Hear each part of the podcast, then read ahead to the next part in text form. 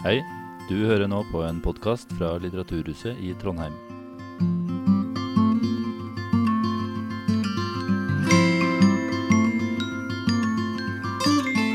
Takk for det, Susanne. Eh, gratulerer med tids eh, tidsskriftet. Kan kanskje si eh, aller først. Eh, mitt navn er Trond Aam, er daglig leder for Litteraturhuset. Jeg har blitt invitert til å lede denne eh, samtalen, som, eh, som ikke akkurat skal dreie seg om eh, operakomikk, men eh, om et eh, om et tema som eh, var vel så aktuelt da som det er i dag, nemlig eh, ytringsfrihet eh, i eh, kulturlivet. Spørsmålet kan kunsten sensureres i Norge i dag.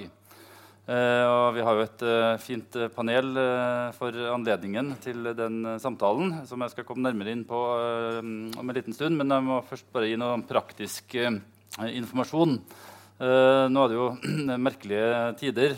Litteraturhuset Eh, har jo kommet ganske godt eh, i gang igjen etter korona. Men samtidig det også, føles det litt sånn at vi driver med en aktivitet som myndighetene på den ene sida oppfordrer oss til å drive på med, men på den andre sida oppfordrer de uh, publikum til å begrense det mest mulig. Så det er en litt sånn rar, uh, rar situasjon. Og nå viste det seg i kveld at begge kulturvertene våre hadde sånn lett eh, hos, hoste i kveld. Så, så eh, gode Henrik bak i lokalet her og vi må dele litt på, på oppgavene med rigg og nedrigg og sånn. Så det, det er sårbare og rare tider, men det ser ut til å gå veldig bra likevel. Men det er veldig fint om alle respekterer eh, koronareglene med én meters avstand. Og, og i det hele tatt så tror jeg at det her skal gå eh, veldig bra. Eh, vi, har, eh, vi legger opp til en ganske uformell samtale, eh, hvor det også blir anledning for publikum til å ta ordet etter hvert. Eh, så, så det er jo egentlig Dere kan tegne dere, så, så får vi se hvor, hvor samtalen bærer hen. Men, eh, men eh, temaet for samtalen er da kan kunsten sensureres i dagens Norge.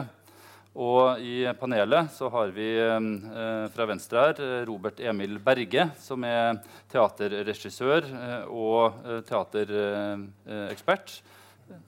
Det er i hvert fall sånn det blir presentert uh, ofte. Og så har du også tilknytning til uh, historisk, eller det som en gang var Historisk institutt ved NTNU. Mm. Jeg er fortsatt uh, tilknytta. Uh, ja, som uh, det som nå faktisk heter Institutt for eh, histo historiske og klassiske studier. Så det passer bra. Det- Ja, ja. Siden jeg også jobber med antikkens teater. Da. Så det. Mm. Og så har vi Martin eh, Vollberg, som eh, eh, Du er vel nå professor, faktisk, i, i allmenn litteraturvitenskap ved NTNU. Og eh, en av initiativtakerne til, eh, til eh, tidsskriftet. Det stemmer. Ja. Og eh, ikke minst også eh, ekspert på operakomikk, eh, som vi bare delvis skal komme inn på i kveld. Men eh, vi får se om det blir en liten anledning allikevel. Og sist, men ikke minst, så har vi Merete Baustad Ranum, eh, som, eh, eh, som er jurist. Det er kanskje først og fremst i den rollen du er eh, her i dag. Eh, men du har jo du også, du har også en bakgrunn som er profilert eh, høyrepolitiker fra, fra tidligere. Og er også styremedlem i Senter for tidligmusikk, eh, blant eh, mange andre eh, roller. Så hjertelig velkommen til, eh, til dere.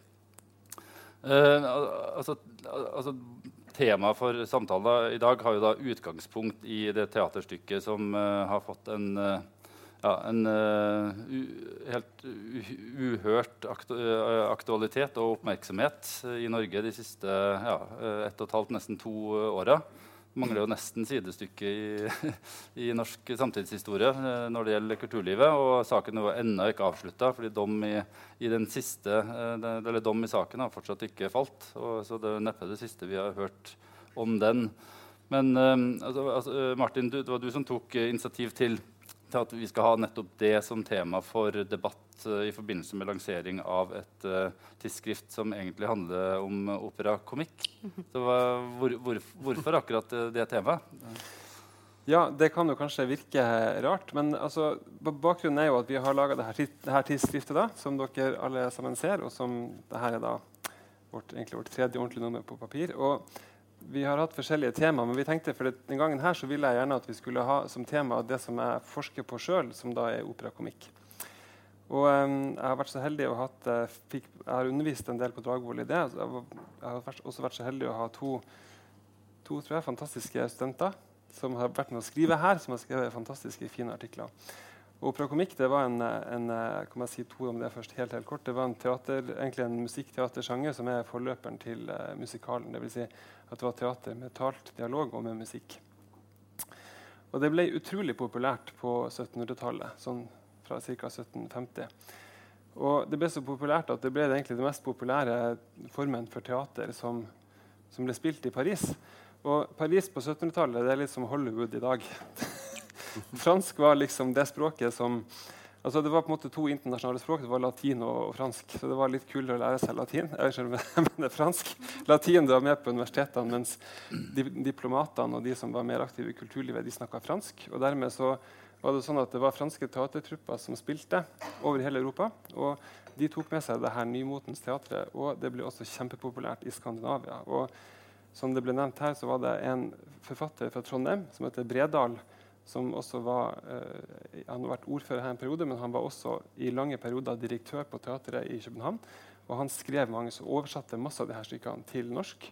Og en av de mest populære skuespillerne for det, som var en flott, eh, staut, eh, meget praktfull mann som heter Rosinga, han var opprinnelig fra Røros, han var den mest populære skuespilleren i, Paris, i København. for sånn Så hva har det med Veisosing å gjøre? Uh, nå har det seg sånn at de siste årene har jeg holdt på med et forskningsprosjekt på universitetet som handler om operakomikk under den franske revolusjonen. Fordi at når revolusjonen brøt ut, så var det jo sånn at det mest populære teatret som man kunne gå og se på dere vet at På den tida så var det liksom ikke sånn man kunne sette seg ned og se på TV. Og hvis man gikk ut, så var det jo liksom ikke samme underholdningstilbudet som nå. sånn at operakomikk var på en måte det mest populære eh, propagandamiddelet på en måte som fantes. Altså det var, hvis man kontrollerte det, så kontrollerte man på en måte opinionen. Uh, så jeg har liksom, det forskningsprosjektet handler liksom om jeg husker at når, når vi skrev den første søknaden for det, så skrev vi sånn at det her har jo selvfølgelig det dagsaktualitet fordi at det er en teaterform som fortsatt er viktig. og sånn. Um, men jeg tenkte jo likevel at det, det, er jo en lang vei liksom, fra sånn som det var da, og sånn som det er i, i dag. Og realiteten uh, under den franske revolusjonen det var sånn at Nå blir det meget, meget kort historieleksjon her, men dere vet at før den franske revolusjonen så er det det man kaller opplysningstida. Da var det jo framveksten av ideen om ytringsfriheten. Den ble jo på mange måter født da, med forfattere som het Rousseau eller Diderot. og den type forfattere. Og når de levde i Frankrike på 1700-tallet, før den franske revolusjonen, så var det jo ikke lov å skrive eller si hva man ville. Det var jo en statlig sensur. Og det var egentlig to sensurmyndigheter, for alt måtte godkjennes både av kirka og av eh, kongemyndigheten. Så eh, De hadde sine måter å unngå det på. Det var ganske vanlig å skrive at boka var gitt ut i London, men selge den i Paris likevel. Sånn. Men egentlig så måtte man ha en sånn stempel på som sa at det var trygt med tillatelse fra kongen. Så når revolusjonen brøt ut, så var det vill jubel. Sensuren tok slutt. Fantastisk. Alle var fornøyd. Man kunne åpne hvor mange teaterhus man ville, og alle kunne begynne å både spille teater og gi ut bøker. Så tok det ca.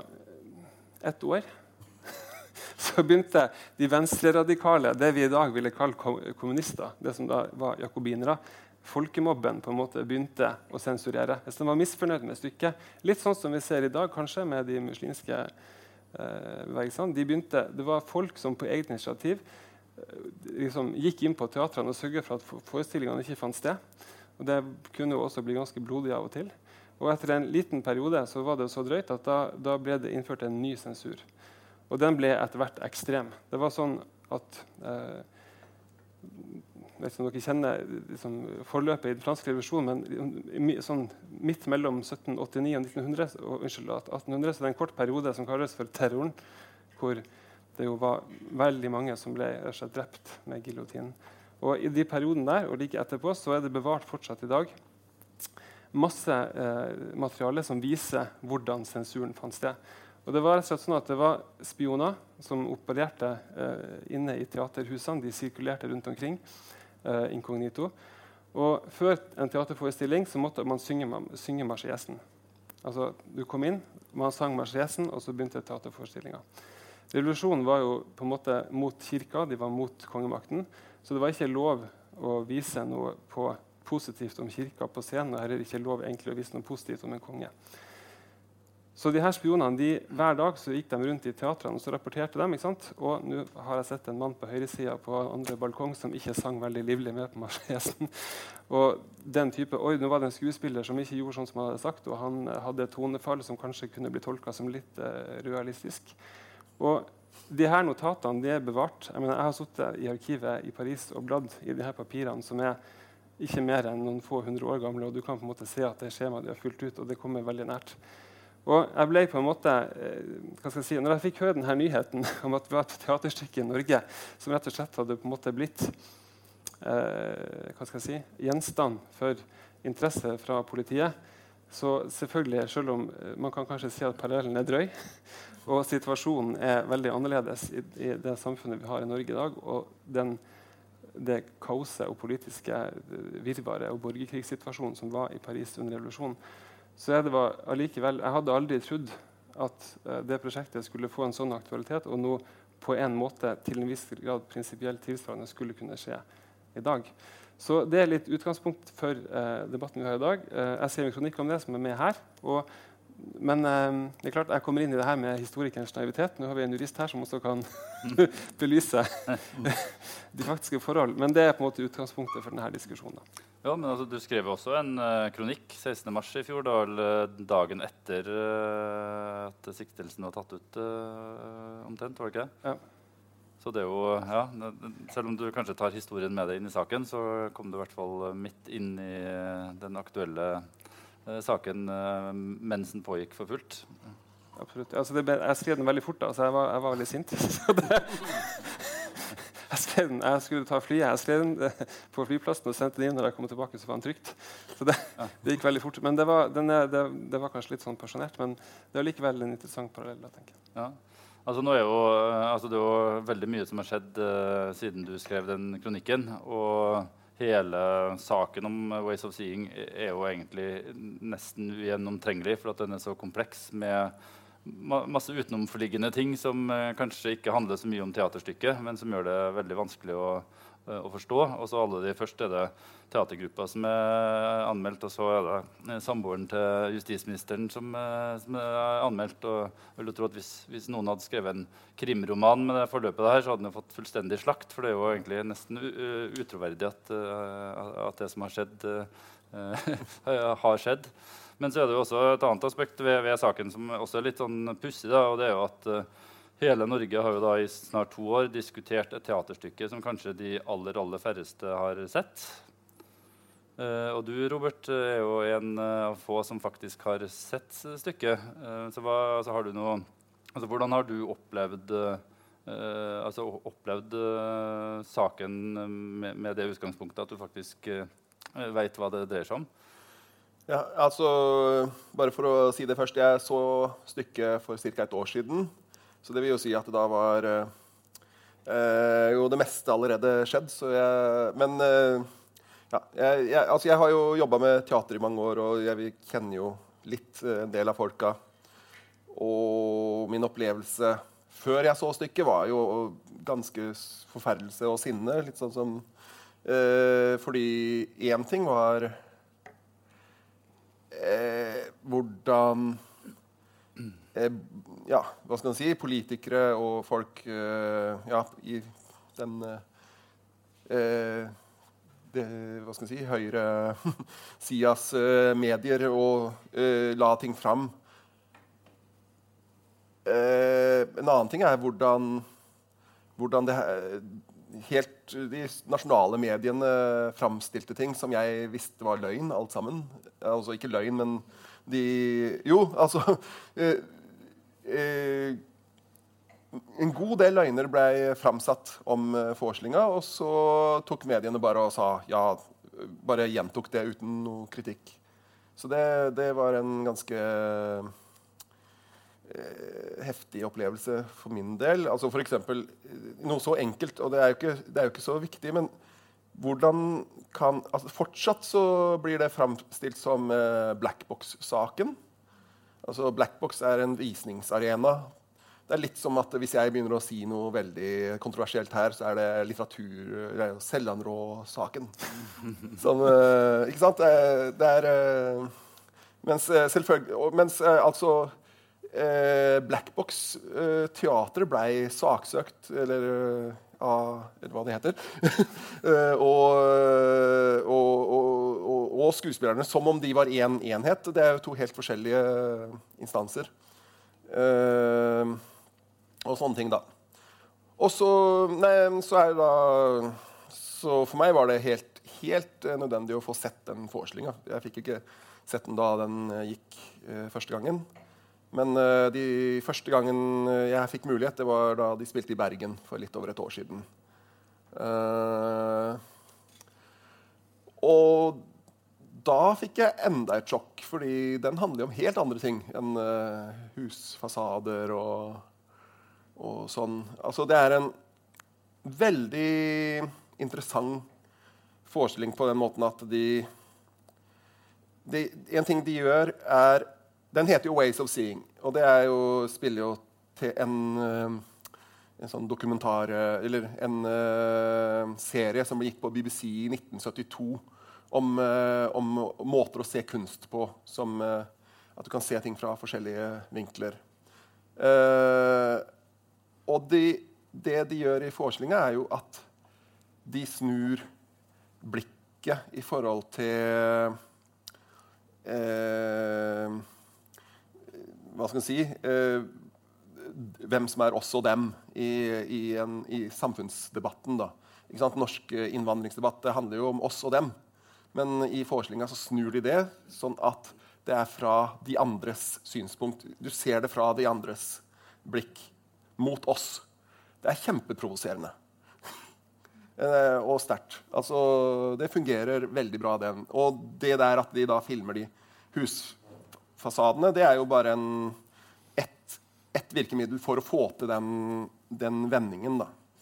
Eh, ellers så handler forestillinga først og fremst om framveksten av overvåkingssamfunnet vårt.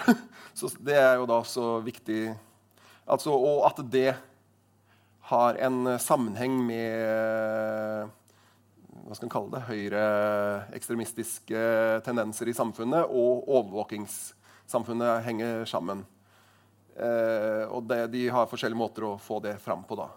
Og ja, hva det egentlig handler om, det kommer jo ikke akkurat fram så tydelig i, i de medieomtalene. Det, bare, det handler først og fremst er det greit å eh, ligge i busken og filme, spionere på folk. Og det har de jo da selvfølgelig ikke gjort. Altså, de har gjort noe som jeg, jeg, vet ikke Det de har gjort, er at de har uh, slått opp uh, adressa på, til hus til de personene de hadde lyst til å uh, omtale i forestillingen. Og så har de på, stått på veien utafor huset, filma i noen få sekunder. Og det er ingen personer De omtaler ikke noen andre personer enn den personen som, som er en offentlig person.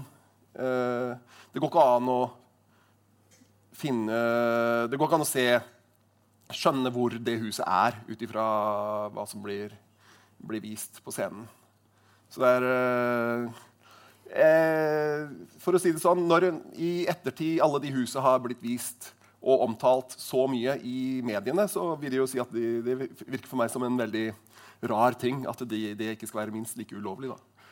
Mm. Uh, ja. Du, du, sa også at du opplevde det som provoserende, eh, altså teaterstykket. Ja, altså det er absolutt et, et lite sjokk. Altså det er mange det er, det er, Og, og det, det syns jeg er interessant. Jeg leste jo anmeldelser av stykket etter uh, at det gikk første gangen. Og, og, det er også ingen Og det var jo før uh, det begynte å skje hærverk og sånn, at de, de fleste av de kom. Så da anmeldte de, jo faktisk forestillingen som de hadde sett. Uh, og nesten ingen av anmelderne var hva skal si, uberørt. De, de, var litt forskjellige i forhold til om de syntes det var bra eller dårlig, men, men alle var veldig sånn Dette her er veldig heftig teater, rett og slett. Mm. Altså, så ikke provoserende i en, eh, en, sånn moralsk, juridisk forstand, men mer uh, som sånn tankevekker? Nei, tankevekker vil jeg si mer enn uh, Altså for min del, iallfall. Men for, for uh, de Altså, det er jo et veldig Hva skal man si? det er et stykke som er veldig kritisk til den norske den regjeringa vi har og hadde da. Så, og for de som på en måte er tilhengere av den, den måten å se, se på som, mm. som, de står for, så, så vil jeg jo si at det sannsynligvis var veldig provoserende. Og det ble, var, er jo tydelig at det var òg. Mm. Ja, Ut ifra no, hvordan noen har reagert. Ja. Mm. Uh, Merete, altså du, du, du, er jo, du, er jo, jurist og har til og med jobba som uh, politiadvokat og skrevet ut påtale. og sånn. Altså, hvordan, uh, hvordan, opplever du den saken her? Ja, jeg kan jo kanskje si litt om um, jussen i det. det ene, vi snakker jo om ytringsfrihet her, og det er jo en menneskerettighet som er både i europeiske menneskerettigheter artikkel 10 eh, som sier at enhver har rett til ytringsfrihet. Og så er det også i Grunnloven eh, paragraf 100.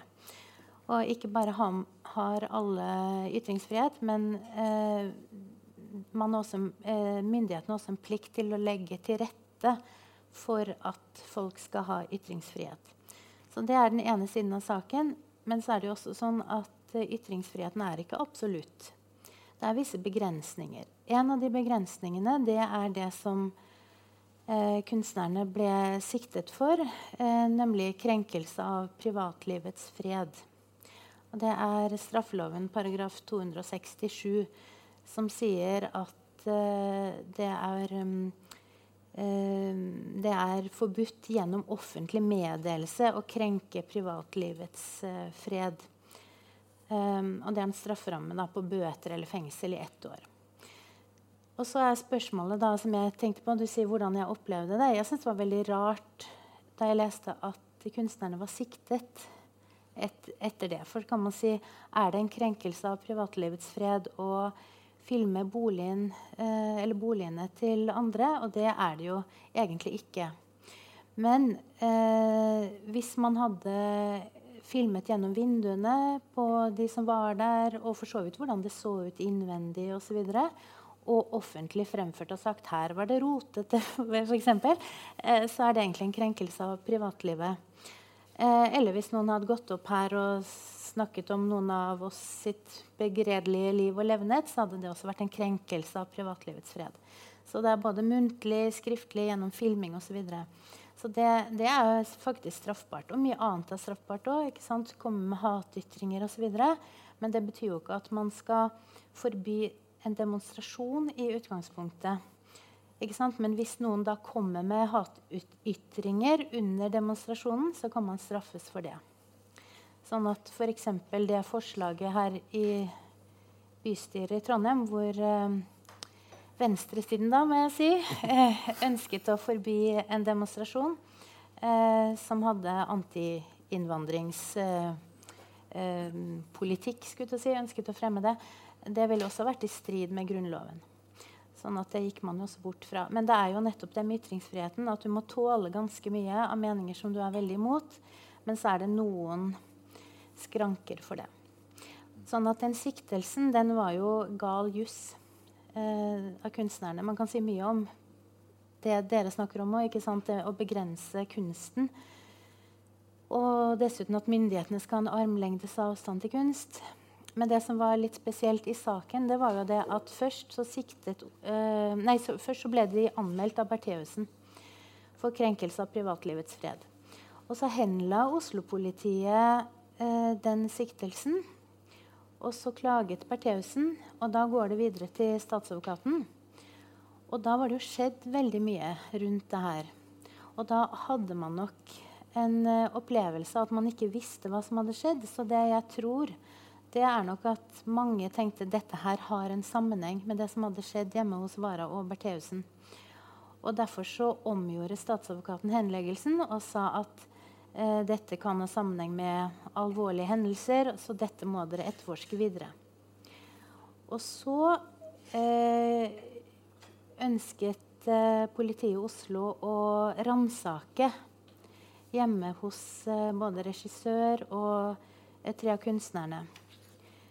Eh, og det er også litt spesielt, fordi at du skal jo ikke ran, ran, Du ransaker ikke hvis noen har krenket privatlivets fred. For forestillingen var jo allerede holdt. Sånn at sånn sett så var det jo ikke logisk. Og grunnen til at de ønsket det, tror jeg, det var jo at de eh, da trodde at det hadde en sammenheng med de hendelsene. Men Oslo, eh, altså, Oslo tingrett sa jo nei til det. De sa at det her er det ikke det er det ikke grunnlag for. Og så ble den avgjørelsen anket til Borgarting lagmannsrett. Men før Borgarting fikk behandlet den saken, så ble Bertheussen siktet. Så det er liksom den juridiske historien bak det. da. Mm. Men uh, Politiet selv har jo brukt som uh, begrunnelse for siktelsen at de ønska å foreta den der uh, gjennomgangen av materialet etter ransaking, som de da ikke fikk tillatelse til. Men altså, virker, i ettertid så virker det veldig rart at politiet gjorde den vurderinga i det hele tatt. Ja, for at forestillingen var jo avholdt. sånn at du kan si at det som Hvis man sier, da, la oss si at det var en krenkelse av privatlivets fred, mm. så var den krenkelsen skjedd allerede. For den var jo da skjedd samtidig med at forestillingen ble avholdt. Så da kunne man jo bare se opptaket av forestillingen. Så sånn sett så, så, må det nok ha vært noe annet de tenkte på, for å si det sånn. Ja, mm. Men de har ikke ytra offentlig at, at, det var fordi de så de to sakene i sammenheng? Eller? Nei, det, det, har man ikke. Men eh, jeg tror nok at veldig mange tenker det. og og mange jurister, bl.a. han professor Olav Torun på Universitetet i Oslo, har jo også skrevet en del om det og mener at her har man jo dumme, juridisk sett har man jo dummet seg ut, kan du si. Mm. Så,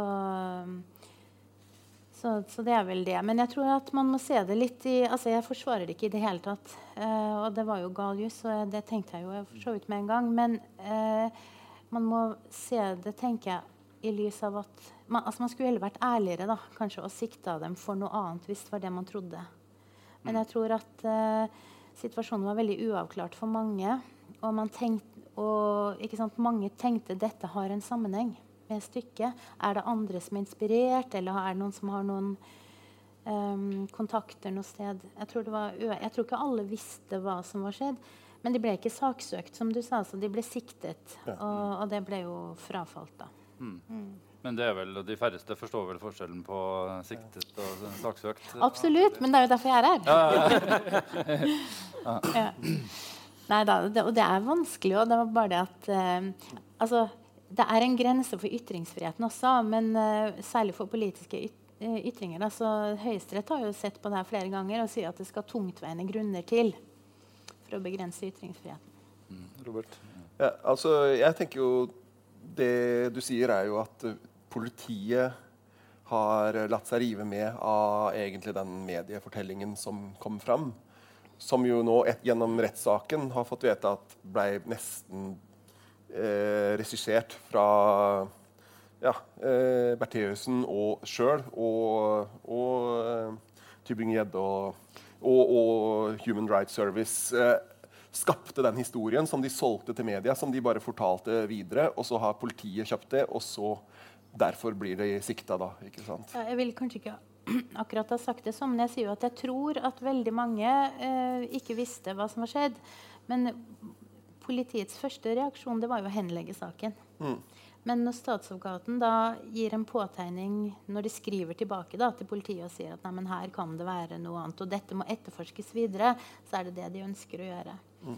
Men uh, det hadde neppe ført frem uansett. Tenker jeg, Uavhengig av Bertheussen-saken så tror jeg ikke at de hadde fått noe bot, da, som det ville vært snakk om. Jeg tror ikke de hadde fått noe bot for å filme huset. Det er jo nokså så, på, som du også sier, det er jo nokså mye på avstand, egentlig. Mm. Eh, hvordan husene er, da. Men er ikke det en ganske drøy ting å, å gå til ransakelse av kunstneres eh, grunnmateriale? Men, ja, de, men, men de ville det, da? Ja, de vil jo det. Og heldigvis så har vi jo uavhengige domstoler da, som sa at her er ikke vilkårene til stede for å ransake. Ja, uh, Martin, altså, hva, hva, tenker du sånn om uh, Nei, altså, Jeg sitter her og tenker at uh, selv om selvfølgelig parallellen er veldig drøy, så er den franske revolusjonen en helt sånn unik um, periode i verdenshistorien. Fordi man på en måte har et, um, en periode som man kan se i ettertid. Uh, hvor galt det på en måte kan gå. Og det er selvfølgelig um, fordi dem, der, der, var det på en måte, det her er kanskje ikke direkte relevant i forhold til det, det Merete sa, men der, der, var det på en måte sånn at allting begynner med gode intensjoner. ikke sant? Allting blir gjort i frihetens navn. Og så etter liksom bare noen måneder, kanskje bare eh, knapt et år, så sitter du egentlig med et reelt terrorregime. da. Og det er klart, Der gikk jo ting veldig fort. og, og det tok jo ikke lang tid før de forskjellige politiske fløyene begynte, begynte å, å sikte hverandre i, i domstoler som ikke var uavhengige i det hele tatt. Mm. Og folk ble jo drept over en lav sko. Eh, både eh, på, på, vegne av de som på, påberopte seg å være staten, men også av, av i attentat. ikke sant? Mm. Mara ble drept av en, av en, jente som kom og, og myrda han i, i badekaret. Så jeg tror det som er interessant, og jeg tenker at det er tross alt viktig å tenke på det. fordi Selv om, om det kan virke helt usannsynlig at noe sånt noen gang skulle kunne skje her, så, så viser det på en måte hva, hva spørsmålet om, om, å kontrollere kunsten egentlig handler om. da. Mm. Fordi, fordi der, der, ble kunsten kontrollert. Og det, man på en måte, det jeg tenker da, og grunnen til at jeg sier det her, i forhold til det som, som Robert og Merete sier, er at hva skjer når kunstnerne opplever Jeg har ikke så lyst til å nevne politiske, politiske parti, jeg, men hva, hva, er det som skjer når og Jeg tenker egentlig ikke på Høyre, men hva er, skjer, hva er det som skjer når det er sånn at det faktisk har skjedd en gang at noe sånn her har skjedd. Jeg formulerer meg veldig vagt, men det er litt med vilje. Når, hva skjer hos kunstnerne når de vet at noe sånt skulle kunne skje, hvis de sier noen ting som er veldig drøyt? Mm. Og det er ganske mange tilfeller i Norge på flere forskjellige plasser i Norge. Altså, vi har jo det prinsippet med armlengdes avstand. Jeg vet ikke om alle vet hva det betyr, men poenget med armlengdes avstand er jo det at man har for eksempel, sant, uh, Når det gjelder bevilgninger til kunst i Norge, så skjer det ikke ofte i regi av politikerne på Stortinget, men av Kulturrådet. Og I Kulturrådet så er det jo altså komiteer av kunstnere som på en måte bevilger penger til de forskjellige prosjektene. Og Da kan man jo si at det er teit fordi at det er på en måte venner som altså Norge er et ganske lite land, og det kan være mange personer som kjenner hverandre. og kanskje er det sånn at det at det kan, Av og til så kommer det beskyldninger sant, om at det er noen som kjenner noen som har gitt penger til prosjekter til sine kollegaer. eller sånn. Men hensikten med at det ikke er politisk styrt, akkurat som for NRK ikke skal være politisk styrt, eller BBC, er jo nettopp det at det ikke skal være at selv om staten skal finansiere et kulturliv, så skal det være fritt. Man skal kunne si hva man vil. Og det som jeg tror altså Jeg sier ikke at det har skjedd, men det som er litt faren med denne type, uh, denne type når, det skjer Og i det øyeblikket når jeg ser den kronikken, så visste vi jo ikke hva som skulle skje. Altså da, da, var det litt sånn at Jeg ble helt sjokkert når jeg, når jeg så det. Uh, jeg visste jo ikke så mye om bakgrunnen. Jeg hadde ikke vært i Norge på en liten stund. Så, så jeg visste ikke nøyaktig hva som hadde skjedd. Men jeg ble veldig sjokkert. Og jeg tror faren er uh, at kunstnere kanskje ikke riktig tør å gjøre det som de ellers ville gjort hvis det er sånn at at sånne her ting kan skje. Og jeg har også lyst til å, å, å, trekke, Selv om det er en veldig annerledes type sak, så har vi også ganske nylig hatt en sak i Tromsø kunstmuseum hvor en, en direktør som har blitt sagt opp, eller som ikke fikk fortsette som direktør, hvor det er veldig uklart hva som egentlig er grunnen, og man får veldig sterk mistanke om at det på en måte er den som er styreleder, som kanskje ikke helt deler den kunstneriske smaken til den som var, som var direktør. Mm. Så jeg, jeg, vi ser det av og til. Eh, også i Norge at den type ting skjer. Og, og um, det er litt mer alvorlig kanskje enn man, enn man tenker umiddelbart. Da. Ja.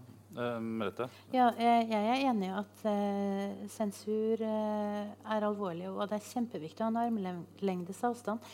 Men jeg, jeg, er litt overrasket noen ganger over at enkelte, og da kanskje særlig fra venstresiden, ikke syns det er problematisk eh, hvis myndighetene går med på og sier at eh, f.eks. i filmer, for å få støtte til en film, så må det være så og så mange Halvparten av kvinnelig, må ha kvinnelig hovedrolle. Det må være sånn, det må være sånn.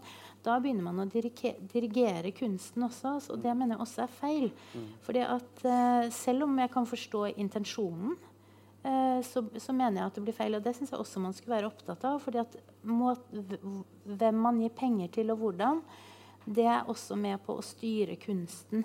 Men på en litt mer eh, skulle si, innviklet måte. Og det, jeg tror man skal ha full kunstnerisk eh, frihet. Ja. Jeg er veldig veldig enig i det Merete sier, og det var jo akkurat det som skjedde under revolusjonen. ikke sant? Det som skjer, I dag har veldig mange forskjellige bevegelser, mange fra USA, om for på en måte, jeg kan si, homofiles rettigheter, feminisme og alt mulig sånn. Og det er veldig positivt, selvfølgelig. Men det som skjedde under revolusjonen, var jo det at hvis man ikke fulgte alle dem, det var jo da man ble sensurert. Så det er klart at veien der kan være veldig kort. Mm.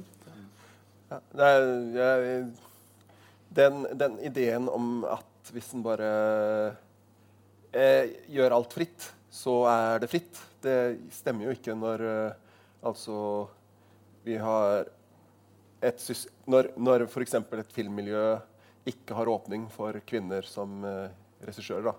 Vi har masse gode kvinnelige Jo, men, eh, men når, eh, når, når, når det er sånn at bare 5% av regissørene er kvinner, så er det jo Da er det jo tydelig at det er føringer som er lagt. Altså det er en begrensning av ytringsfriheten som foregår pga. sånn systemet fungerer.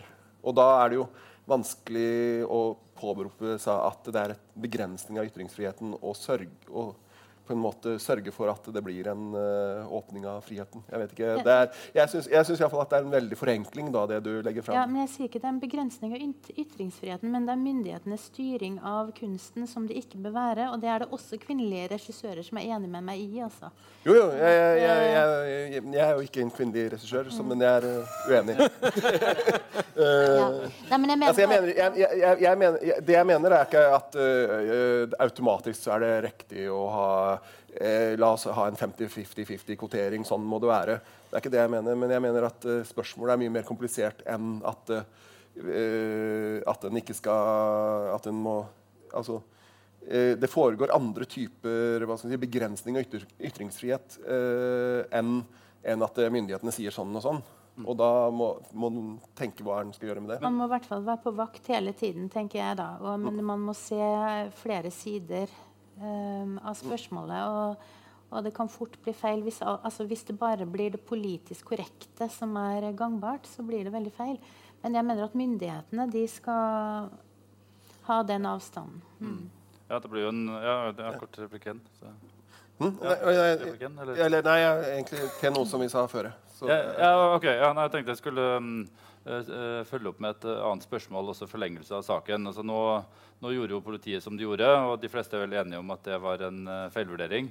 Men eh, altså, hvis, hvis de da hadde handla annerledes og, og latt uh, henleggelsen ligge, altså, ville det ha blitt uh, akseptert? Så det var et ganske sånn, betydelig press i den fasen. For på det tidspunktet så trodde jo eh, det offentlige Norge at, eh, at det var eh, ekteparet Wara som, eh, som var under eh, eh, sta, konstante trusler. Da. Ja, det er et interessant spørsmål, det. Eh, jeg tror nok at det hadde nok ikke eh, Altså sånn rettslig sett så hadde det henleggelsen Nå ble den jo ikke liggende, da, fordi at statsadvokaten gjorde jo om. Så det man kan si er hvis ikke Bertheussen så raskt Uh, var blitt siktet altså, uh, Men jeg tror nok uh, hva hadde skjedd da? Men Borgarting lagmannsrett hadde nok kommet til det samme. Det tror jeg. Mm. At de ikke hadde fått noe ransaking, for å si det sånn. Men det er klart at eh, sånn som situasjonen var, så eh, så var det jo mange som lurte på hva i all verden har skjedd. Altså, det var ikke åpenbart for noen. Og det er jo også riktig det at med et veldig personfokus mot politikere, så er det mer ubehagelig å være politiker. Eh, Jeg har sjøl fått anonyme brev med bloddrypp og det ene med det andre. Altså, det er veldig ubehagelig, faktisk. Sånn at Man skal ikke liksom bare kimse av det. Det er ubehagelig, men, men man må tåle ganske mye da, når man uh, er fremme i media òg. Som politiker eller på annen måte. Robert? Jeg tenker jo det mest skremmende som har skjedd i hele den saken, her, er at uh, både justisministeren og statsministeren i Norge har lagt press mot en, bit, en, en liten gruppe kunstnere og sagt at uh, dere, den måten de har kritisert uh, norske styresmaktene på, skal, gjør det vanskelig å være politiker i Norge. Og det og, og det er jo veldig vanskelig fall som utenforstående å ikke tenke at uh, det er en sammenheng med at statsministeren sier det på onsdag, og så blir de sikta på torsdag. Eh, Men altså, jeg gikk, altså, nei, nei, nei, altså, det, jeg det sier ikke at det er sånn altså, det jeg, gikk, jeg, jeg gikk inn og, i dag og leste hva Erna Solberg faktisk uttalte. Da, for hun har fått uh, utrolig mye kritikk for det. Og, og, og den, den, kritikken står jo fortsatt. Altså den, uh, det har blitt en del av ja, nærmest hennes ettermæle, kan man kanskje si.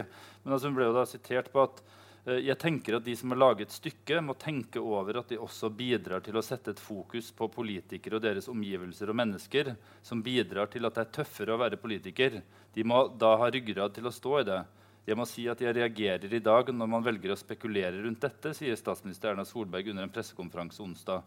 Og så vidt jeg kunne funnet ut, så sa hun ikke så veldig mye mer enn det. Uh, så mitt spørsmål, altså, De fleste oppfatter jo det som veldig utidig, og spesielt uh, i den konteksten. Men, uh, men er liksom konklusjonen at en statsleder ikke skal kunne si noe om kunst i det hele tatt? Eller, jeg, jeg, oppfatter det at hun anklager de for å, for å ha forårsaka trusler og, og hærverk. Mm. og det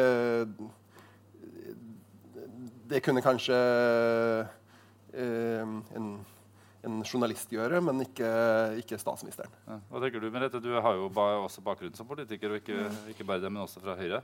Eh, ja, jeg, jeg, hadde ikke noe var, Jeg syns vel ikke det var hennes finest moment. Eh, det kan jeg kanskje ikke si. Men eh, jeg tror at hun ble revet med der og da.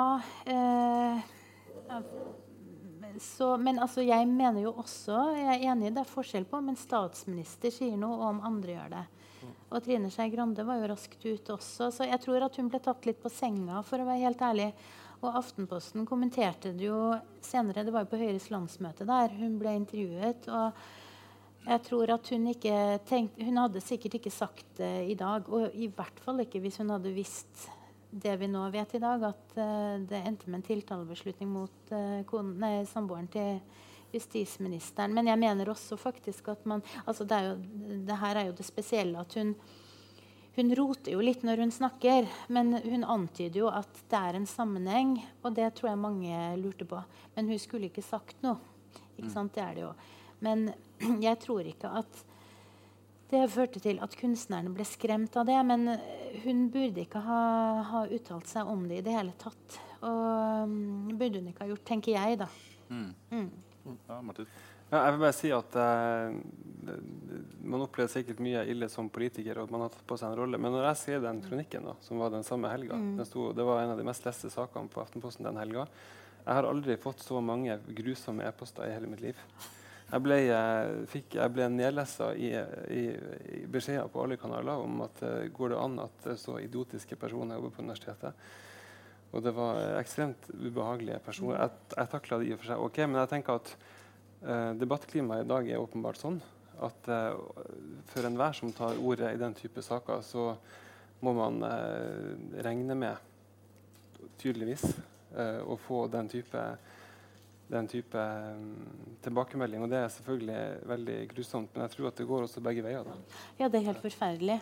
Eh, det er helt forferdelig. Jeg hadde en kommentar nå nylig på bloggen min, jeg òg. Jeg hadde snakket om uh, arbeidsinnvandring, og det var helt utrolig stygt. Og det, det går jo mer innpå den enn det man egentlig tror òg. Det er jo det verste. Selv om det er sånne tullinger mye, da. Mm, mm. Men uh, det er jo ikke artig. Men jeg bare mener at det er ikke et argument. Mm. Ikke, jeg syns ikke det er et argument fra, fra, heller fra eh, politisk ståsted om at man ikke skal ha en frikunst. fordi det går mm. på en måte, det går faktisk, altså det er like ille for alle parter. da. Mm. Sånn. Men, det, altså det, men det, altså hvor, hvor, stor grad er det mulig for en politiker å, å uttale seg om kvaliteten ved kunst? For at uh, veien er jo ikke veldig langt til ja, saken her da, med med representanter fra Fremskrittspartiet som ville ta statsstøtten fra Black, både Black Box Teater mm. og den kunstnergruppa her. Så, mm. så er, det, er, det, mulig for en politiker å delta i ordskiftet rundt kultur uten at det automatisk blir uh, tatt inntekt for uh, økonomien i kulturlivet? Jeg tror, jeg tror, man skal være forsiktig. Ja, faktisk. I hvert fall hvis det gjelder 'jeg liker dette, derfor skal de få penger', eller 'liker ikke dette, derfor skal de ikke få penger'. Altså, det er på en måte ikke greit. Men så spørs det jo hvem det er. Og en lokalpolitiker må jo kunne si 'nå har jeg sett et teaterstykke, det var fantastisk'. Eller, ikke sant? Men det er forskjell på hva slags rolle du har. tenker jeg. Men det er viktig med den avstanden. ja. Men man kan gjerne rose kunsten, syns jeg, da, og delta. Det er kjempeviktig. Ja, men det er jo skjedd nå i det siste ganske hårreisende ting der òg, som i Altså eh, at uh, store dansekompanier og sånn har fått direkte støtte fra, fra Kulturdepartementet Mm. Istedenfor at det skal gå gjennom Kulturrådet. Da. Så det vil si at det er politisk styrt. Det er uh, hvem som skal, hvilke grupper som skal liksom, uh, uh, få den støtta. Ja, nei, altså, Det der er jo et eget tema. Jeg tenkte vi skulle gå tilbake på det. Men altså, bare for å liksom, konklu sånn, forsøksvis konkludere rundt akkurat Ways of Seeing og det juridiske aspektet. Da. Altså, er vil ettertida forstå Ways of Seeing som, en, som et eksempel på politisk sensur, eller, eller viser eh, tildragelsen egentlig det motsatte? At rettssystemet fungerer, og at kunsten har gode, gode vilkår? Altså, Hva står vi igjen med etterpå? Altså, det var ingen tvil om at det, det, hele saken må ha vært en kjempebelastning for teatertruppen. og og, og, og, og, mange andre også. Men altså, når vi står igjen med måte, resultatet, så det var jo ikke en politisk sensur. Jeg vil jo heller si at eh, Når det gjaldt det statsministeren sa, så viser det at hun faktisk ikke var informert av påtalemyndigheten. Husk på det tidspunktet hvor hun uttalte seg. Da hadde man også etterforskning på gang mot kona til, eh, til dagen etter ikke sant, ble hun siktet av PST. Så det viser jo at man både har en uavhengig påtalemyndighet og uavhengige domstoler. Eh, og for så vidt så har vi en statsminister som også har ytringsfrihet. Men, eh, så jeg vil jo si at det var ikke en sensur sånn, men det var flere ting som var klønete uh, håndtert uh, fra politi, påtalemyndighet. Men som deler av politi, påtalemyndighet, påtalemyndigheten er jo også PST. Mm. Så egentlig har vi et system som fungerer, men det var en del ting som var dumt da, håndtert, vil jeg si. Jeg, jeg vil bare si det er enig i at si, rettssystemet ser ut til å ha fungert strålende eh, påtalemyndighetene sånn mm, under, under eh, det en skulle forvente. Mens eh, regjeringa Vil jeg si det, det, at statsministeren går ut mot kunstnerne, men også justisministeren eh, gikk jo ganske tidlig ut og, og skrev i avisa at eh, denne, dette teaterprosjektet er eh, moralsk konkurs. Eller noe sånt noe, tror jeg. Og det at justisministeren selv Når en teatergruppe har kommet med, med, med en slags politisk ytring som kritiserer hans regjering, og så kommer han med en, med en sånn uh, kommentar, det vil jeg si er en ganske uh, drøy ting. Og i forhold til det med det Erna Solberg sa at altså den, den kommentaren, kommentaren hennes er jo allmenngjort. Altså den, hun sier ikke at eller det, det en må forstå ut fra, at hun, hun, hun sier jo at kunstneren må skjønne når, at, at, de ikke skal gjøre ting som gjør det livet vanskelig for politikere. Rett og slett. Og det, da vil jeg si at Ja. Martin? Nei, altså jeg tenker at En justisminister må jo kunne kritisere teaterstykket, akkurat som man kritiserer en politisk motstander. Problemet er jo det øyeblikket det blir på en måte de ikke får mulighet til å komme ytringa si. Men det, det, jeg har lyst til å bare si som svar på de spørsmålene, er at uh, det som jeg syns er kanskje det mest interessante fra ettertida, er jo det at i 2019-2020 så er det faktisk jeg mener, Under fransk revolusjon det er ikke, det er ikke så rart at opera, komikk og teater da, var det som skapte aller størst problem. Den Mesteparten av forskninga rundt sensur har handla om bøker. Det er en verdensberømt uh, amerikansk uh, historiker som heter Darnton, som har skrevet veldig mange superberømte bøker om at det var så stor sensur av bøker under revolusjonen. Men det var jo teatret som var den eh, mest på en måte, viktigste arenaen. Og, det er på en måte hva vi forstår, for de hadde ikke, noe, hadde ikke noe TV eller noe Internett. eller noe sånt. Men det at i 2020 et teaterstykke skulle skape en sånn brudulje det, tror jeg, det, tror jeg, kommer til å bli stående igjen. Og det er på en måte kanskje med ettertid, Når man ser litt sånn tilbake, så tror jeg kanskje det er noe av det mest overraskende. At den levende kunsten da fortsatt kan spille en så aktiv rolle. Mm. Uh, så det andre altså nå vil jeg bare si at uh, Hvis det er noen som har noe på hjertet eller vil stille et spørsmål, så bare å tegne seg. Skal, skal jeg prøve å følge med litt. Uh, men altså, det er et annet tema som vi har kommet litt indirekte innom innimellom. og Det er jo selve den finansieringa av uh, kunst. Uh, det ble jo nevnt her at Enkeltpolitikere har jo trua med å frata statsstøtten til Black Box Teater som en direkte konsekvens av den saken her. Men så skjedde jo noe nylig i forbindelse med, med budsjettframlegginga til regjeringa som også har vakt en del kritikk i enkelte miljøer, nemlig at Eh, en, en, rekke um, kulturinstitusjoner som fram til nå har hatt finansiering uh, gjennom Kulturrådets ordninger, nå føres over på direkte post i statsbudsjettet. Og Det har vært kritisert av enkelte som et uh, uttrykk for at disse bevilgningene da blir underlagt direkte politisk kontroll. Men er det, altså, er det egentlig tilfellet?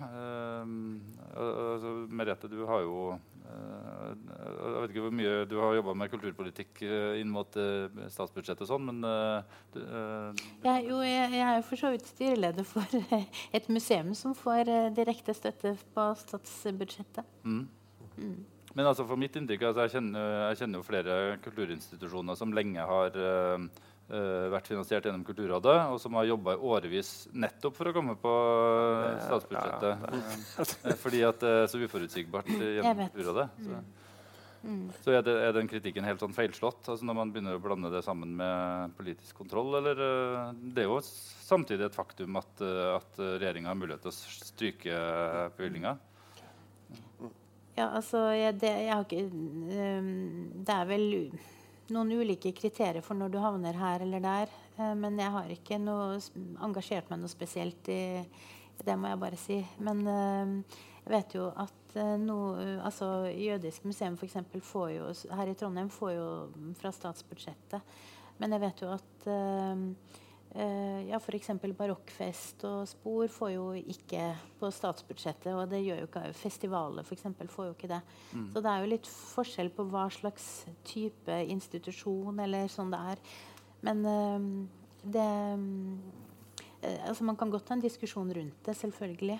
Men jeg har ikke noe engasjert meg noe spesielt i det.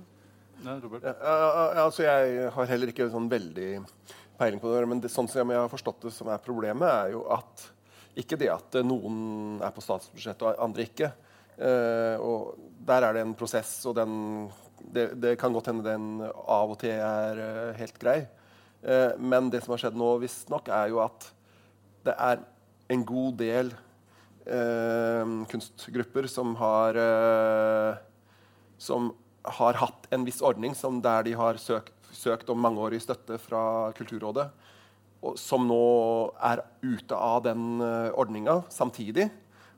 Og så skal ikke den ordninga videreføres. Og så har departementet da valgt ut en to-tre av de syv-åtte som de syns at uh, de skulle uh, gi ta inn på statsbudsjettet bare sånn fordi at de er spesielt fine. eller et eller annet sånt. Da. Og det, da blir, det, jeg tror det er det som er kritikkverdig. At det er, det er en tydelig ja, ikke sant? Kulturministeren har bestemt seg for at det er de. Liksom. Mm. Jeg, jeg, tenker at Det er viktig at kriteriene er åpne. Mm. Uh, det er noe av det som er viktig. At det er åpenhet rundt ulike tildelinger og hva som skal til for å få midler her eller der. Det, det tror jeg er viktig. Mm. Jeg tror det med dansen der er veldig, veldig spesielt. fordi jeg har hatt en helt egen sånn ordning som har vært tror jeg, fire eller fem år i år. Så det har liksom vært mm. veldig langsiktig, men så har det plutselig tatt slutt. Det er ingen andre kunstformer som har sånn tilstand. Jeg tror det er et veldig spesielt eksempel. Og jeg tenker det at om, om man er på Kulturrådet eller på statsbudsjettet, så hovedforskjellen er på en måte beløpene ut fra et visst, visst, nivå. Så er det på statsbudsjettet hvis det blir for stort for Kulturrådet. på en måte. Og jeg tenker det at Når du har litt større institusjoner, så er det heller ikke en kunstnerisk vurdering. I Kulturrådet er det jo veldig mye mer kanskje sånn at det er et prosjekt eller det er et mye mer konkret vurdering. ikke sant? Har den festivalen mm. et program som holder mål, eller sånn. Så jeg, jeg, tror ikke det er et veldig stort problem. Og som du sier, kulturinstitusjoner sjøl vil inn på statsbudsjettet, for da vet de at de får penger hvert år. At de kan mase på sine lokale politikere om at de kan mase på de på Stortinget, og så får de kanskje noe mer. Så jeg tror det ja, er heller sånn. Ja, eh, vi har allerede fått eh, et spørsmål fra salen her. Eh, nå Pga. korona så bruker vi ikke mikrofon, så du får bruke, bruke, den stemmen du har. Men hvis det er noen som har problemer med å høre, så skal, skal jeg prøve å gjenta det etterpå. Ja, nei, men jeg skal prøve å snakke høyt. Jeg tror du hører meg. Ja, det høres bra ut. Ja. Jeg synes jo at et underkommunisert element i den diskusjonen her, og det er jo sammenhengen mellom meningsutveksling og makt. Og det er en ganske sentral del av dette, fordi at da denne saken kom opp, så var det et ganske raskt representant Eh, for et av regjeringspartiene som går ut og sier det at eh, støtten til denne type teatervirksomhet bør stoppes. Det er ganske mye mer enn at en, stor, at en politiker uttaler seg om et spørsmål som man måtte være interessert i. Dette er et mm. signal. og et signal blir oppfatta. Det samme dreier seg om statsministerens påstand om at nå må representantene for dette teatret være oppmerksom på hva de gjør i forhold til eh, eh, hvordan dette oppfattes av, av, eh, av, skues, av, eh, av allmennheten, at vi så å si legitimerer. Dette er ikke bare et, et, et uavhengig utsagn, men det er et budskap. Fordi at det er uttalt av en person med en maktposisjon hvor muligheten til å sette makt bak utsagnet er til stede i neste omgang. Og da syns jeg Merete eh, eh, eh, jeg syns du underkommuniserer litt eh, statsministerens ubehjelpelighet. For dette er mer enn ubehjelpeligheter.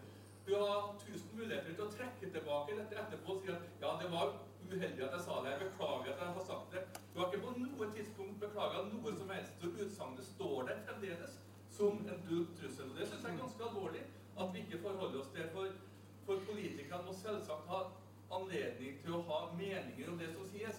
Men vi er mange som beveger oss i det offentlige rom og som har mottatt trusler, og som vet hva det er. Så dette er ikke noe spesielt for politikere, det er spesielt for mange.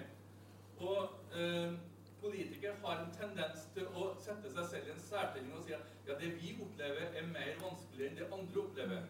Og da vil jeg si da OK, de vet ikke helt hva de snakker om, men det ville ha vært en, en, en, eh, en eh, mye mer ærlig måte å delta i debatten på og si at, eh, at det jeg sa, var uheldig, og jeg beklager det. Det har ikke skjedd. Ja, ja. Jeg, mm, jeg skal ikke unnskylde det som er sagt, og jeg er helt enig med deg at selvfølgelig, når man har en sånn posisjon, så betyr det veldig mye hva man sier. Så jeg forsvarer jo ikke det som statsministeren sa, men jeg er jo heller ikke her for å forsvare på en måte regjeringen, kan du si. Eller jeg er jo ikke noe høyrepolitiker eller har noe verv i dag på noen måte. Eh, men eh, jeg er jo enig i det du sier, bortsett fra at jeg er litt sånn skeptisk til det derre unnskyldnings... eh, altså at man skal si unnskyld for alt man har sagt. Jeg tror at man må tolke det som at hun der og da trodde at det hadde en sammenheng, og så kom en gang eh, kulturministeren og sa at nei, regjeringen eh, har ikke noe mening om dette. Så Trine Skei Grande var jo ute med en gang. Men, jeg, men eh, du kan si jeg er jo enig at uh, i, hvis man har en sånn posisjon, da, så må man eh, skulle si, la være å på en måte blande seg inn i det. Uh, så jeg er helt enig i det. Ja, så Poenget er jo ikke unnskyldning, men poenget er utsagnets karakter og det å legge det dødt. For det hadde vært nødvendig å gjøre om dette skulle ha vært eh, eh, troverdig. Men dette utsagnet var ikke på noe tidspunkt blitt lagt dødt. Det står der som en, fremdeles som en mening som, eh, som har den offisielle status som et utsagn av en statsminister har. Ja, altså, eh, Vi fikk jo sitert hva det var hun sa, så hva er det du tenker at Nei, vi Hennes utsagn dreier seg om at, eh, at representantene for Black Box Teater burde ha vært oppmerksom på hvordan, hva slags virkninger deres aksjon har. Og at de burde ha tenkt på det når de, når de satte opp dette skuespillet. Og det tror jeg jo absolutt de har tenkt på. Eh, og, og det er vanskelig å oppfatte utsagnet som annet enn en, eh, et maktutsagn. Tror du ikke at hun tenkte at eh, det hadde en sammenheng med hendelsene hos Vara? Jo, det har jeg helt åpenbart tenkt, men det gjør ikke saken bedre. For når du har fått eh, fasiten i ettertid, så burde jeg i hvert fall ha korrigert uh, utsagnet i lys av den kunnskapen du da har fått. Men det har heller ikke sett. Ja, Siden ingen er domfelt, så vet vi jo ikke noe om saken. Men vi kan jo legge Ja. Men- eh, Nei, men eh, Siden du sier at vi har fått fasiten, så vi, det vi vet, er jo at eh, det er en dame som er tiltalt. Ikke sant? Og hun er siktet både eh, for eh, skulle si, å skade regjeringen, altså straffeloven 110, og så er 115 med det, og så er hun også siktet for det å ha latt som noe straffbart har skjedd som ikke har skjedd. Men, men poenget mitt er bare det at det jeg tror at, eh, at statsministeren mente, det var jo at det hadde en sammenheng. Og det var det jo flere andre som Jo, men trodde. det var Og om det nå skulle være sånn at, eh, at, eh, at det blir en frifinnelse i saken her Og det kan meget vel komme til å skje, fordi at beviskravene henger såpass høyt at vi skal absolutt ikke se bort fra det, selv om media nå mener at åpenbart sannsynlig at det blir dømt. Men det er ikke sikkert at det blir. Men, men det er på en måte ikke interessant, fordi at, at dette er ikke en type eh, kommunikasjon eh, fra teatrets side eh, som rammes av, av, lovgivning, og som det heller ikke eh, er uønsket at vi har, og som det derfor vil være eh, utilbørlig av de som nå da representerer maktens ytterste høydepunkt, å si at dette eh, må dere være forsiktige med. Nei, men altså, jeg er jo ikke uenig med deg i det. Eh, Jeg må bare si, jeg er veldig enig i det du sier. Samtidig så tror jeg denne, nå kanskje Robert vil være uenig med meg, men samtidig så tror jeg denne teatergruppa hadde aldri, altså de har jo virkelig gjort sitt livs karriere med dette prosjektet. Så jeg tror, jeg tror på en måte at akkurat det aspektet har to sider. da.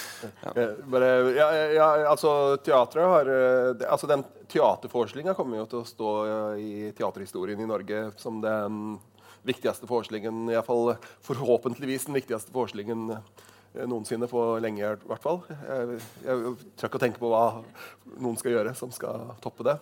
Eh, men, men så skal, det er litt viktig jeg, En ting som jeg også ikke, ikke har som ikke har kommet veldig tydelig fram, er jo verken i media eller eh, noe sted, er jo at de skuespillerne og de som har laga den teaterforestillinga, de får jo fortsatt enormt masse trusler og er lever under ganske harde forhold eh, nå. Eh, og har gjort det fra første dag. Eh, eh, så det er en eh, Ja, for det, er- altså, det, er jo, det er mange som fortsatt gir gir, om ikke Bertheussens handlinger, så i hvert fall hennes kritikk rett. Altså at man mener at teaterstykket begikk overgrep mot de personene som var omtalt i stykket. Ja, så, altså Jeg har jo sett stykket, så jeg kan jo si litt om det. Uh, altså Det de gjør, er vel å de, de viser jo fasader til ganske mange folk. Altså Det er jo, det er jo uh, Vara og Bertheussens uh, husfasade, men det er også flere fra den, det herre Resett. eh, eh, og også de mm, noen av de rikeste menneskene i Norge da, som, eh, som finansierer Resett. De, de tar de for seg. Eh, og så har de også f.eks. huset til, til Jens Stoltenberg. Eh, Mm. Har de, ja, han har ikke uttrykt noe uhygge ved det, men eh, eh, Ja, nei eh, Men, eh, men altså, forstår du Forstår du Bertheussens reak altså, reaksjoner sånn innledningsvis? Altså, jeg har ikke noe problem med å skjønne at hun syns det er ubehagelig at uh, eh, At, uh, at Å få søkelyset på seg på den måten. Det er jo én ting da at En ting er det her å vende blikket, og sånn, men det er også en referanse til Human Rights Service sin stor, sånn oppfordring til alle sine lesere. Eh, det var jo i 2017, så oppfordra de det, det, er, jo hun Hva heter hun? Storhaug. Eh, og, og Human Rights Service oppfordra alle sine lesere til å dokumentere islamiseringa av Norge ved å gå rundt og ta bilde av muslimer i, på gata. Og så skulle de publisere det på nettet. da. Uh, Men det ville vel eh, med rette vært ja, ja. brudd på privatlivets fred, ville det ikke? Eller? Jo. ja. Så Mens, de, ja, det, det men de har også da. Det ligger jo fortsatt ute et sånt bilde på rights.no. eh, av tilfeldige folk eh, som er muslimer, ser det ut som, da, siden de er kledd sånn. Eh, og Og Human Rights Service er jo en, Det er jo tydeligvis en forbindelse mellom de og eh, Frp er det helt tydelig, fordi de kjemper for at de skal få statsstøtte. Og eh, Bertheussen spesielt, som vi har da sett den private korrespondansen mellom.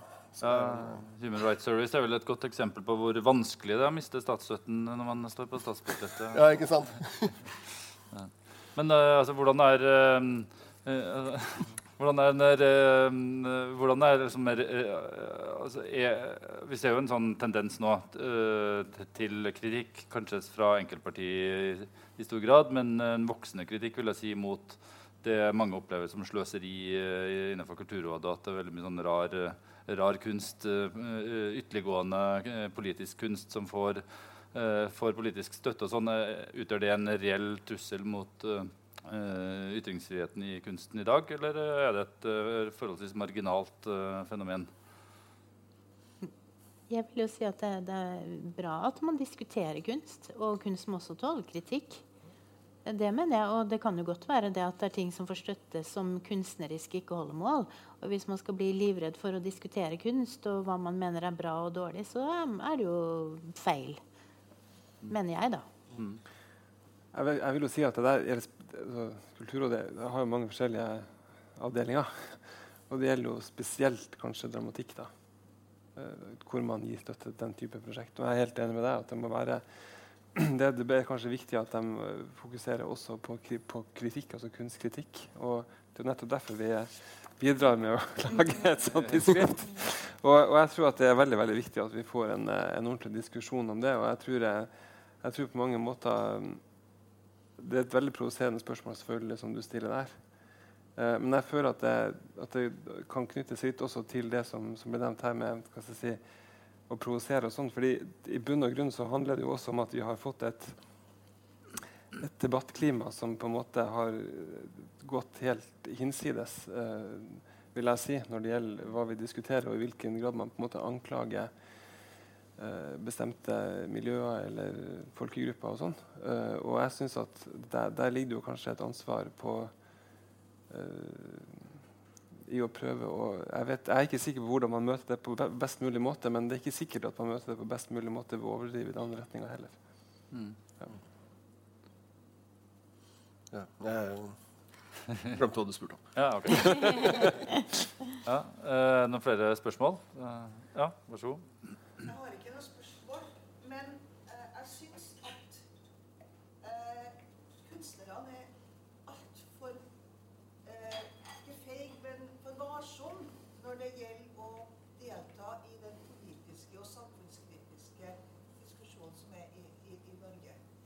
Vi er, vi er ganske mett og velfødd i Norge, og vi bryr oss ikke så veldig mye om å ha kritikk. Men jeg mener at eh, det er utrolig mye som kan kritiseres også i Norge. Og med særlig på, mens man ser på bakgrunnen av hva som skjer i resten av verden, så skal man ikke tro at ikke ting kan komme hit.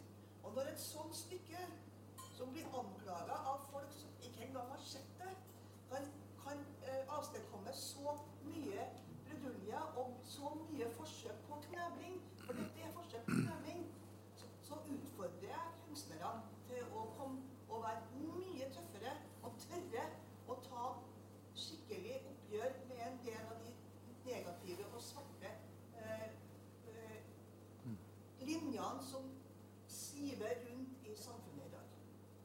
Ja, er ikke det et eh, veldig viktig eh, poeng? Eh, så er også, eh, vi, vi prøvde å arrangere en debatt en gang hvor, hvor det var en sånn helt åpenbar motsetning mellom, eh, mellom idrettsbevilgninger og kulturbevilgninger. Hvor jeg kjenner masse folk i kulturlivet som, som har sterke meninger om det. Men det var nesten klin umulig å få folk til å stille i panelet. For at, eh, de er jo redde, for at de skal liksom legge seg ut med de som sitter og bevilger pengene. Så er det en Jeg kan, jeg kan, bekrefte, jeg kan bekrefte at det er sånn. ja, ja. Mm.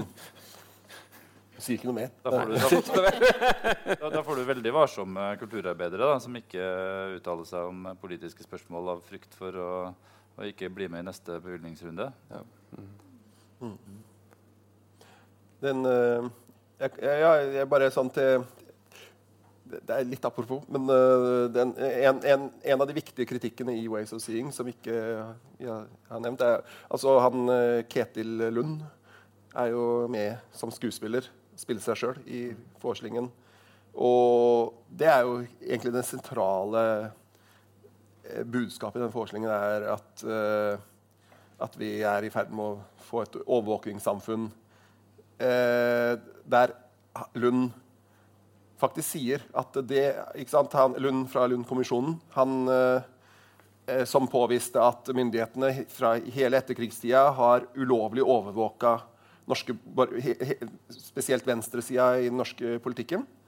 Og så vet jeg at Kåre Willoch er veldig uenig i konklusjonen, men eh, eh, den, den han, han, det, det var resultatet til kommisjonen. Og så i forestillingen så er det kanskje den aller viktigste replikken er når han sier ja, men alt det som eh, blei ble avslørt i, i, den, eh, ja, i den konklusjonen eh, Alt det er lovlig nå. alt det har de gjort lovlig nå. Så de gjør det hele tida fortsatt. Det er bare at nå har de forandra lovene, så det er, det er lov. Ja, Merete? Jeg skal bare si at Da er det jo interessant nok at det var PST som etterforsket, siktet og tiltalte Bertheussen. Og, og sånn sett, så, så, så teatermessig, så er alt det her helt fantastisk. Eh, hvordan det går i, eh, i de, har en, de kritiserer overvåkning, og så blir de eh, hva, heter, hva, hva heter det Hva er det Bertheussen gjorde?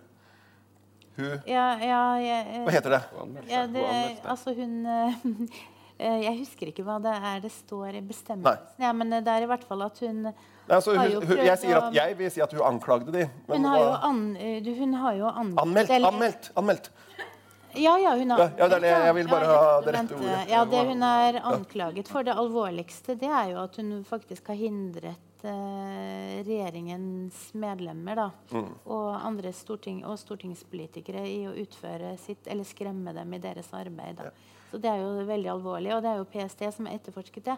Men eh, jeg tror at det er veldig mange ting som vi ikke Når du snakker om overvåkningssamfunnet, så er det jo mye av eh, F.eks. en av de overvåkningsbestemmelsene som er vedtatt nå, som EU da nå ser at er i strid med, med menneskerettighetene sin overvåkning. Og det er sånn som går hus forbi. For at etter at man sluttet med det her datalagringsdirektivdiskusjonen, så er det veldig mange som ikke lenger er så engasjert. Men det, eh, det er faktisk et eget tema som vi kunne ha snakket om, da. Og, og, og, og så er det da Det som gjør, altså, gjør det teatralt veldig morsomt, eller hva skal man si eh, interessant, er jo at eh, Bertheussen, hvis hun blir uh, dømt, så er det pga. en type overvåkning som de forestillingen sannsynligvis angriper. Ja, det, er, det er jeg ikke enig med deg i. Fordi at uh, Når de har etterforsket uh, mot henne grunnen til at PST er der, så er det jo fordi at straffebestemmelsene handler om angrep på statsmaktene. Jo, men, Og- men, men, men, bevisene Ikke, nei, det er ikke riktig. Fordi at det er jo mye vanlig etterforskning som har ført til det.